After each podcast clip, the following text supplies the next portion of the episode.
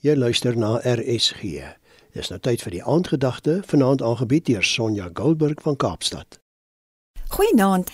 Ek gesels hierdie week met jou oor Numeri 14 en God se boodskap vir ons is vandag om lewe te spreek. Ja, ons moet mooi kyk na dit wat ons sê. Die 10 verspieders het die beloofde land gaan verken. Onthou jy? 8 van hulle het kom vertel van al die reuse en hoe onmoontlik dit vir die volk is om die land in te neem. Dit het die mense kwaad en bang gemaak. Maar dan lees ons hier van Josua en Caleb. Hulle het God vertrou en het vertel van alles wat in die land wonderlik en goed en reg is.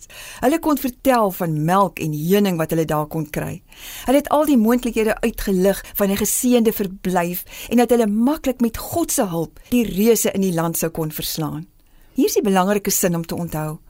Omdat hulle 'n verhouding met God gehad het, het hulle al in hulle eie lewe ervaar hoe hy vir hulle deurgekom het in die moeilike tye. Daarom kon hulle hom glo en vertrou. Dis amper Kersfees. Ons lees en praat weer baie oor Jesus se geboorte.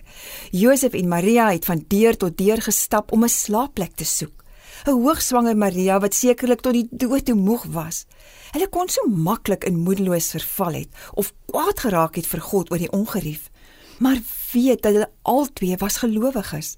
Hulle het al reeds 'n verhouding met God gehad en kon daarom aanhou klop en aanhou soek omdat hulle hom vertrou het en hy het geweet hy sou voorsien. Selfs die stal was God se perfekte voorsiening.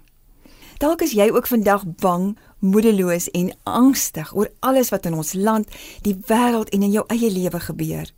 Jou moegheid en moedeloosheid is miskien al by depressie verby.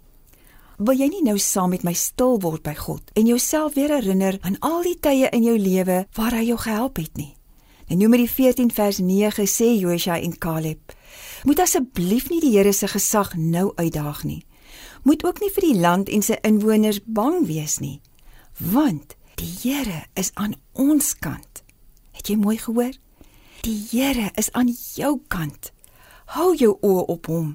Vat sy hand. Val op jou knieë voor hom neer en spreek lewe uit oor jou omstandighede.